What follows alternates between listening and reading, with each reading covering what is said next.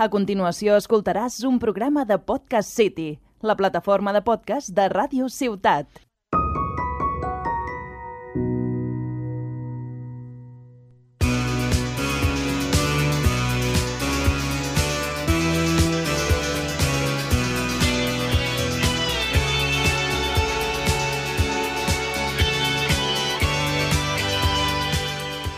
Benvinguts a un nou programa del podcast Parlem del Nàstic. Avui parlarem sobre el postpartit davant el San Fernando i comentaré la prèvia davant el Centre d'Esport Sabadell. El Nàstic de Tarragona empat al nou estadi davant el Club Deportivo San Fernando en un partit en què el conjunt grana va pecar de gol i va empatar. El pròxim partit serà davant el Sabadell, un rival català que aspira a lluitar per pujar de categoria. Pel que fa al postpartit davant el San Fernando, un empat a 1, tot i que també podem dir que perdem dos punts, és un altre cop un empat aquí a casa dels que ja portàvem. Costa Brava, San Luqueño, és un altre empat dels que portaven. Per tant, aquí ja estem perdent molts punts a casa i això és un punt negatiu. Tot i aquest empat, que sumem un punt, però com estic dient, també pots entendre per la vessant negativa que perds dos, el resultat va ser injust. Vam tindre més ocasions que ells per marcar, però ells van arribar dues, ens van marcar una i també vam tindre una mica de sort perquè la segona del San Fernando va ser minut 88, que la va fallar l'ex de l'Inter de Milan, que ha jugat Champions, Viaviani, que la va fallar en un 1 contra 1 que la, que la va enviar fora. Però, tot i aquesta ocasió del San Fernando i el gol, el Nàstic va mereixer més, va mereixer marcar algun gol més, va mereixer guanyar, vam tindre, vam tindre les ocasions, la pilota, el joc, la possessió... Vam ser molt dominadors durant molts trams del partit tant, estem parlant d'un resultat injust. El gol del Nàstic el va fer Dani Romera. Dani Romera està donant un rendiment, jo crec, bastant bo, millor del que m'esperava, i jo crec que ho està fent bastant bé. I el gol, perquè no l'hagi vist, és d'un córner que la centren i xuta directament, la pilota se'n va al pal, rebota a l'esquena de José Perales, que és un exporter del Nàstic, i la pilota se'n va dintre. Sí que entra la pilota de, la pilota entra fent la carambola, però al final s'ha de xutar, s'ha de marcar. Això és el que sempre hem d'intentar, xutar, perquè a vegades amb aquestes caramboles pot entrar la pilota, perquè hi ha moltes jugades que ho fem, vull dir que no fem això, vull dir, sempre l'estem tocant, volem entrar a l'àrea amb el jugador i amb la pilota, i a vegades xuta des de fora a l'àrea que potser marquem algun gol, o potser intentem córner, algun penalti, alguna falta, vull dir, podem buscar alguna més si xutem, si, si, xutem, si, si xutem des de fora l'àrea. Ens falta més xutar des de fora l'àrea. El gol del San Fernando ha de marcar Juanmi Callejón, després de rematar de cap, en una empanada defensiva, podem dir, de Manu Albarran i Trilles. Manu es queda com fent l'estàtua, com acostuma a fer molt ell, és molt bo amb reflex, però alhora quan ha de sortir, quan s'ha de quedar a porteria, li costa i es va fer com una mica com es va quedar l'estàtua allí com una mica al mig i va, diguéssim que no, no va saber què fer molt bé. El Barran se li avança, vull dir, Juanmi Callejón se li avança i es queda pues, una mica allí, vull dir, el Barran no està llest en defensar la jugada. I Trilles, bueno, és el que té menys culpa d'aquí, perquè diguéssim està, està intentant tapar el centre, però no el tapa. Però també té una mica de part de culpa, tot i que és el que té menys culpa per mi Trilles. Els jugadors no els hi podem recriminar res, ho van donar tot sobre el terreny de joc. Vull dir, no va ser un d'aquests partits com per exemple contra el Llagostera, que, o Sant Luqueño, que en aquest cas contra Sant Luqueño era la defensa, ni en el Llagostera també, vull dir, no, vull dir, vam ser molt, com, estic, com estava dient abans, molt superior a ells, per tant, jo em quedo més que amb, de, amb, amb el resultat, que també és important el resultat, perquè al final, vull dir, classifica si estàs a dalt, a baix o a la mitja taula, o on sigui, també em quedo amb el joc que van fer. El joc que van fer no va ser pas dolent. Si aquest joc el continuem allargant, jugar, eh, quan dic allargant també em dic que em refereixo a jugar fora, eh? perquè jugar fora, si jugues malament, perds, com m'està passant aquesta temporada. Però si aquest joc el continues allargant, segur que guanyem. Vull dir, perquè el joc va ser, no, no, no diríem espectacular, perquè per ser espectacular has de guanyar, sinó va ser bo un dels millors partits que he vist com a joc amb Magné, perquè Agné ja sabem que és un entrenador que jugar no s'ha dit molt bé, però en aquest cas de San Fernando va ser un empat, sí, però els jugadors van donar tot, el resultat va ser injust, però jo em quedo amb el joc que van fer perquè el joc que van fer no va ser tan dolent i ens van mereixer guanyar en tot moment. L'àrbit també va tindre una mica d'influència en aquest resultat.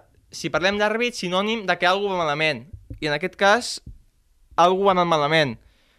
A la segona part, hi, va, hi ha una, diguéssim, una estirada de samarreta d'un jugador del San Fernando a Pablo Fernández. Ser que l'àrbitre considera una llei de l'avantatge i després amb aquesta llei de l'avantatge Pablo Fernández incomprensiblement la falla fora. Sí que és cert que estava molt a prop del gol, allò era més gol que fora, però si una cosa és penalti, l'has de pitar com a penalti, no donis llei de l'avantatge amb un penalti. A més, Pablo Fernández, a una roda de premsa post partit, va dir a l'àrbit, al final del partit li va dir és penalti, però una llei de l'avantatge. Per tant, si és penalti, no pita llei de l'avantatge. Sí que és cert que la llei de l'avantatge era més, era més difícil fallar-la que ficar-la, i ell la va fallar. Però si allí Pablo Fernández hagués tirat, pitava penalti 100%, i, i la tercera groga que s'embutava a San Fernando. Per tant, allí Pablo Fernández haguessis estat més viu, t'haguessis tirat, hagués tirat el penalti Joan Oriol i potser haguéssim marcat com ja va marcar amb, amb Múrcia. Per tant, potser funcionaria... Potser pel final li va faltar picardia en aquesta jugada i per mi això és un error arbitral. Si una cosa és penalti, és penalti. No donguis llei de l'avantatge en un penalti. Una falta sí, però en un penalti, si una cosa és penalti, és penalti.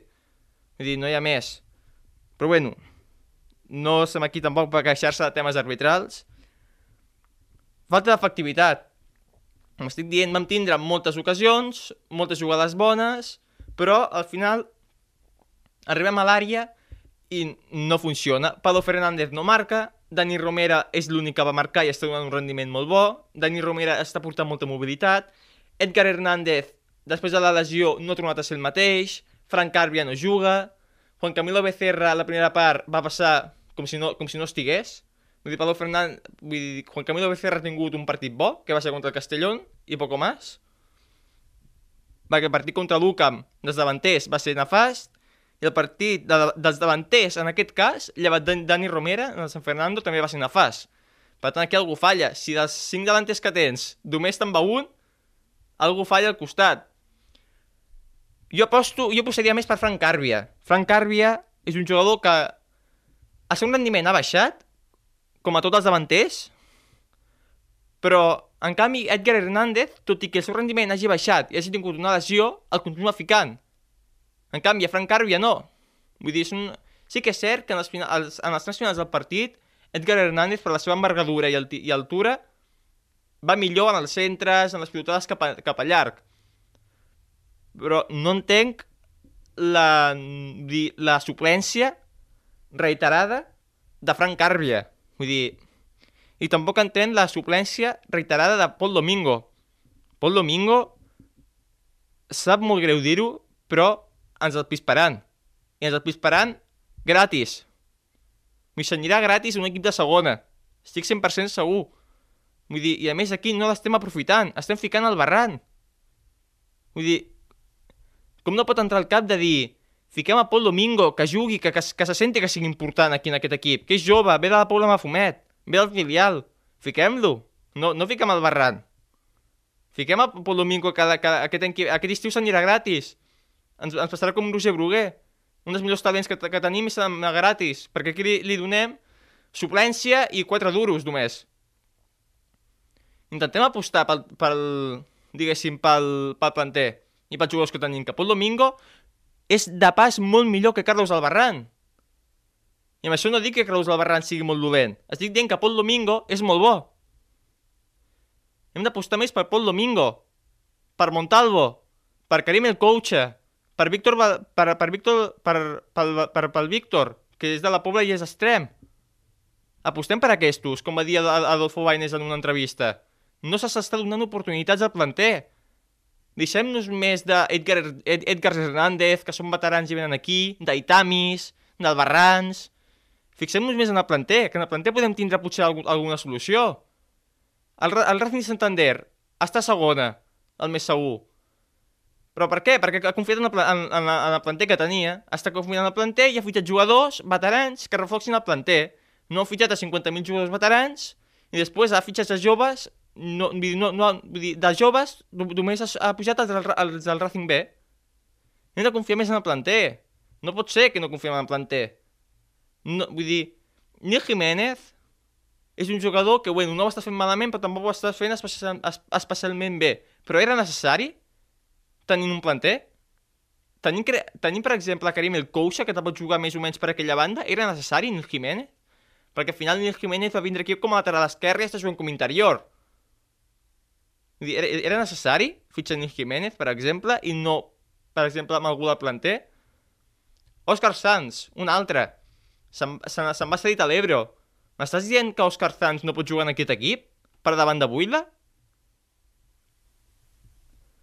Pol Prats. Pol Prats del Huesca B.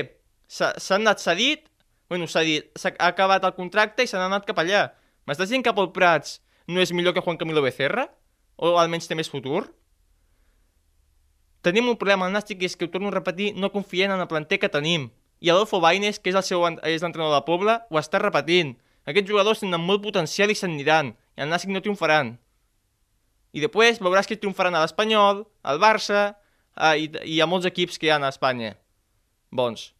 I això és el que emprenya, que no confiem en el planter. Ara, al final, de, al final del partit, hi va haver una invasió de camp per part d'alguns aficionats, perquè a San Fernando juga un tiktoker, això és un, un tiktoker, diguéssim, instagramer, influencer, el que li vulguis dir, diguéssim, lligat a les redes socials, que es diu Pedro Benito, que té quasi 2 milions de seguidors al TikTok, que és una, és una red social, i allí, doncs, bueno, molts crios van baixar al camp, una invasió de camp, per intentar demanar-li una foto, que si de samarreta, que si d'autògrafo, que si... I, bueno, a la fi, a la, a l'acte del partit, al final, sempre fica incidències del públic i fica invasió de campo para pedir camisetas de los rivales. Inversión de campo, això està malament, perquè he dit inversión de campo para pedir fotos a Pedro Benito. I, a, i aquesta fitxa tècnica, com hi hagi una multa i com l'hagi de pagar el Nàstic, ja serà el colmo. Com l'hagi de pagar el Nàstic, perquè aquell Nàstic no té ninguna culpa d'aquesta invasió de camp. La tenen els quatre nens que van baixar. I, i, i els seus pares que van permetre baixar aquests nens. Per tant, això, un, una altra cosa nefasta per part dels pares, perquè els nens al final, sí, com són petits, sí que tenen la impulsió de baixar. Al final un nen no, no té la consciència de dir què pot passar, però un pare li pot dir no saltis del camp, espera't al final del partit, com van fer molts, quan, que quan surtin i demanaràs fotos. No saltis del camp, perquè després la, la multa la pagarà el nàstic. I aquí, si diguéssim, estàs perjudicant el nàstic. En aquest cas, només per fer-te una foto amb un influencer. Per tant, aquí és una altra cosa que em molesta bastant. Ara mateix, amb aquest empat, estem fora del playoff. Cada vegada costa més creure que arribarem al playoff, tot i que s'ha de creure. Hi ha d'haver un tant per cent que s'ha de creure en aquest playoff. I jo crec que sí que podem al playoff.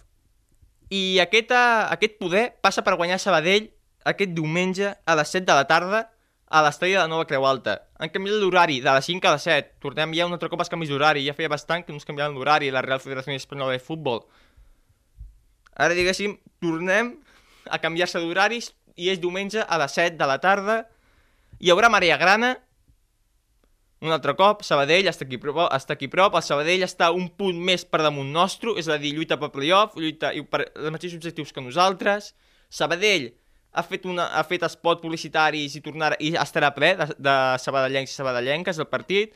Del Nàstic també hi ha marea grana, allí estarem, jo allí estaré, animar l'equip, com faci falta, perquè si guanyem un altre al Sabadell, ja ens fem un pes de sobre, guanyar fora i al camp del Sabadell, important. Això sí, no serà fàcil, el Sabadell, com estic dient, va per damunt nostre. És un rival difícil. I un Sabadell que ha anat de menys a més a la temporada. Va començar perdent tot, empatant, i es va estar en posicions de descens. I van canviar el seu entrenador. Antonio, Antonio Hidalgo havia estat el seu entrenador, que el va fer pujar a segona, però després a segona el va fer baixar, i el van destituir perquè estava al descens. En un Sabadell que era la, la gran decepció d'aquesta temporada, però ha arribat Pedro Munitis i ha fet revifar el Sabadell i ara el Sabadell està ja en quasi posicions de playoff i amb un punt més que nosaltres. Per tant, l'ha fet tornar a revifar i ha fet tornar a veure el Sabadell que té plantilla al Sabadell per estar aquí no està. La meva alineació seria Manu García, Joan Oriol, lateral esquerra, indiscutible, va ser el millor del partit per mi, contra el San Fernando, Quintanilla, Trilla centrals, Aitami no el fico, Pol Domingo, s'ha de ficar Pol Domingo, ja no vull el Barran, tot i que ficarà el Barran. De mig del camp, el senyor Pedro del Campo, que no m'he recordat de dir-ho abans, però Pedro del Campo va fer un autèntic partidàs també amb el San Fernando. Després, Bonilla no va jugar titular amb el San Fernando, s'ha de ficar Bonilla per les faltes, Bonilla és... és, és el millor que hi ha. Robert Simón s'ha de ficar, també va ser un dels que millor ho va fer contra el San Fernando, molta velocitat, va, va, va portar dinamisme, com sempre porta ell, però a Robert, a Robert Simón li falta, diguéssim, vull dir, en pic arriba a, diguéssim, quan fa l'esprint, li falta com encara més, perquè fa l'esprint, però després enceca el centre. Clar, si fas l'esprint i centres, la, la, la, la pilota que centraràs s'anirà o molt alta o a fora o molt, o molt fluixa. I has d'intentar encara més, quan estàs allà, intentar llibrar del rival, perquè tu tens velocitat per fer-ho, vull dir, ets menudet i tens velocitat. Per tant, a Robert, a Robert Simon se li busca això, més velocitat, més, en, me, vull dir, no velocitat, sinó més que encari. Diguéssim, com que, com que jugui com més de posició extrem, que aqu aquests extrems ja no es veuen. I a dalt ficaria Dani Romera, el millor, ara com a dalt, i Frank Carbia. M'agradaria que el fiqués, passa que estarien dos baixos, Intentaria donar un altre cop possibilitat a Pablo Fernández, perquè sí tindríem un alt un baix, tot i que no m'agrada, Pablo Fernández no m'està agradant aquesta temporada, però jo crec que li donaria una altra oportunitat a Pablo Fernández perquè pugui jugar titular uh, perquè, pugui, perquè pugui jugar titular en aquest partit una altra oportunitat. La porra, diré 1 a 2.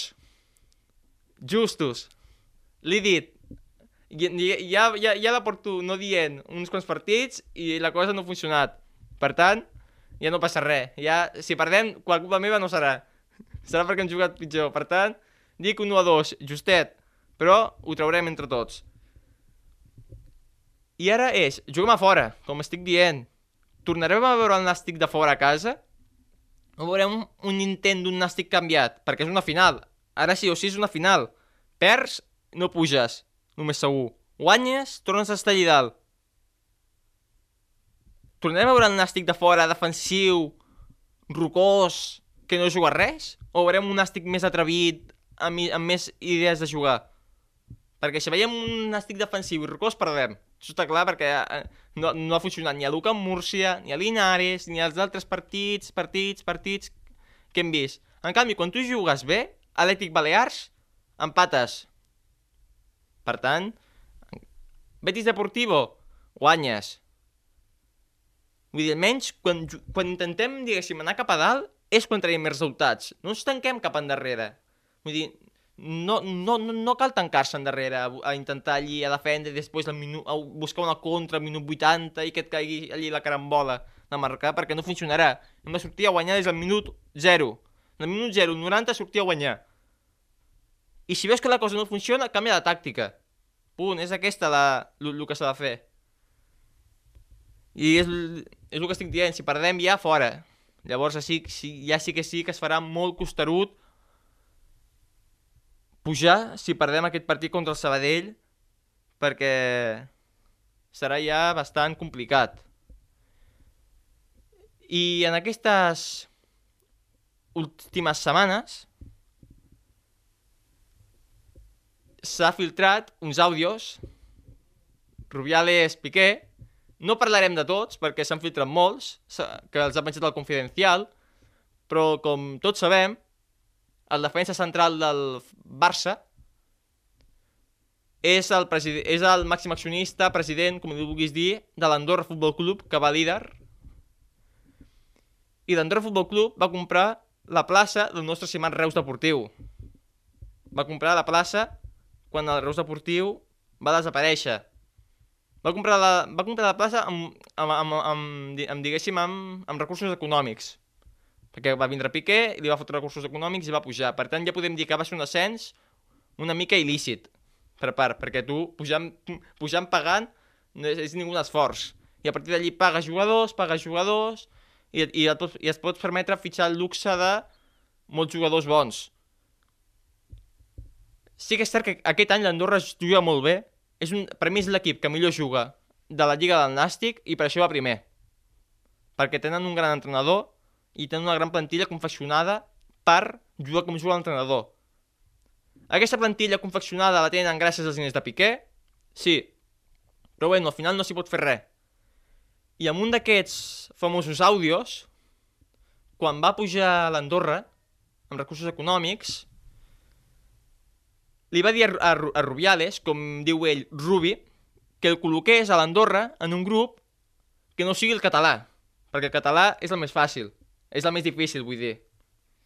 El voler ficar en el grup aragonès, riojano, del País Basc, eh, era perquè era un grup, en teoria, més assequible que els catalans.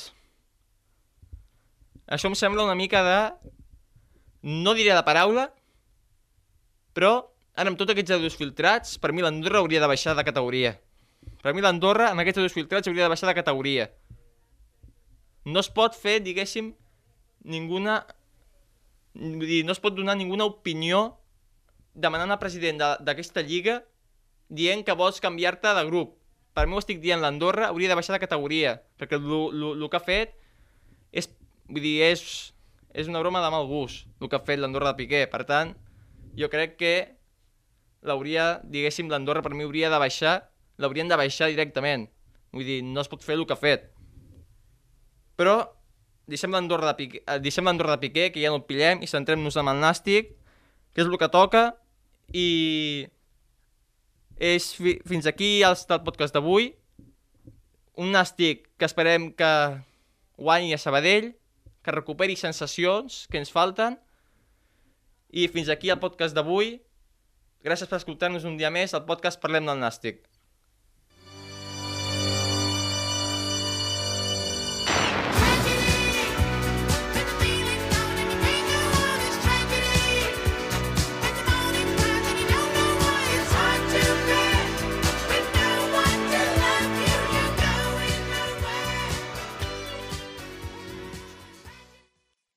Has escoltat un programa de Podcast City la plataforma de podcast de Ràdio Ciutat.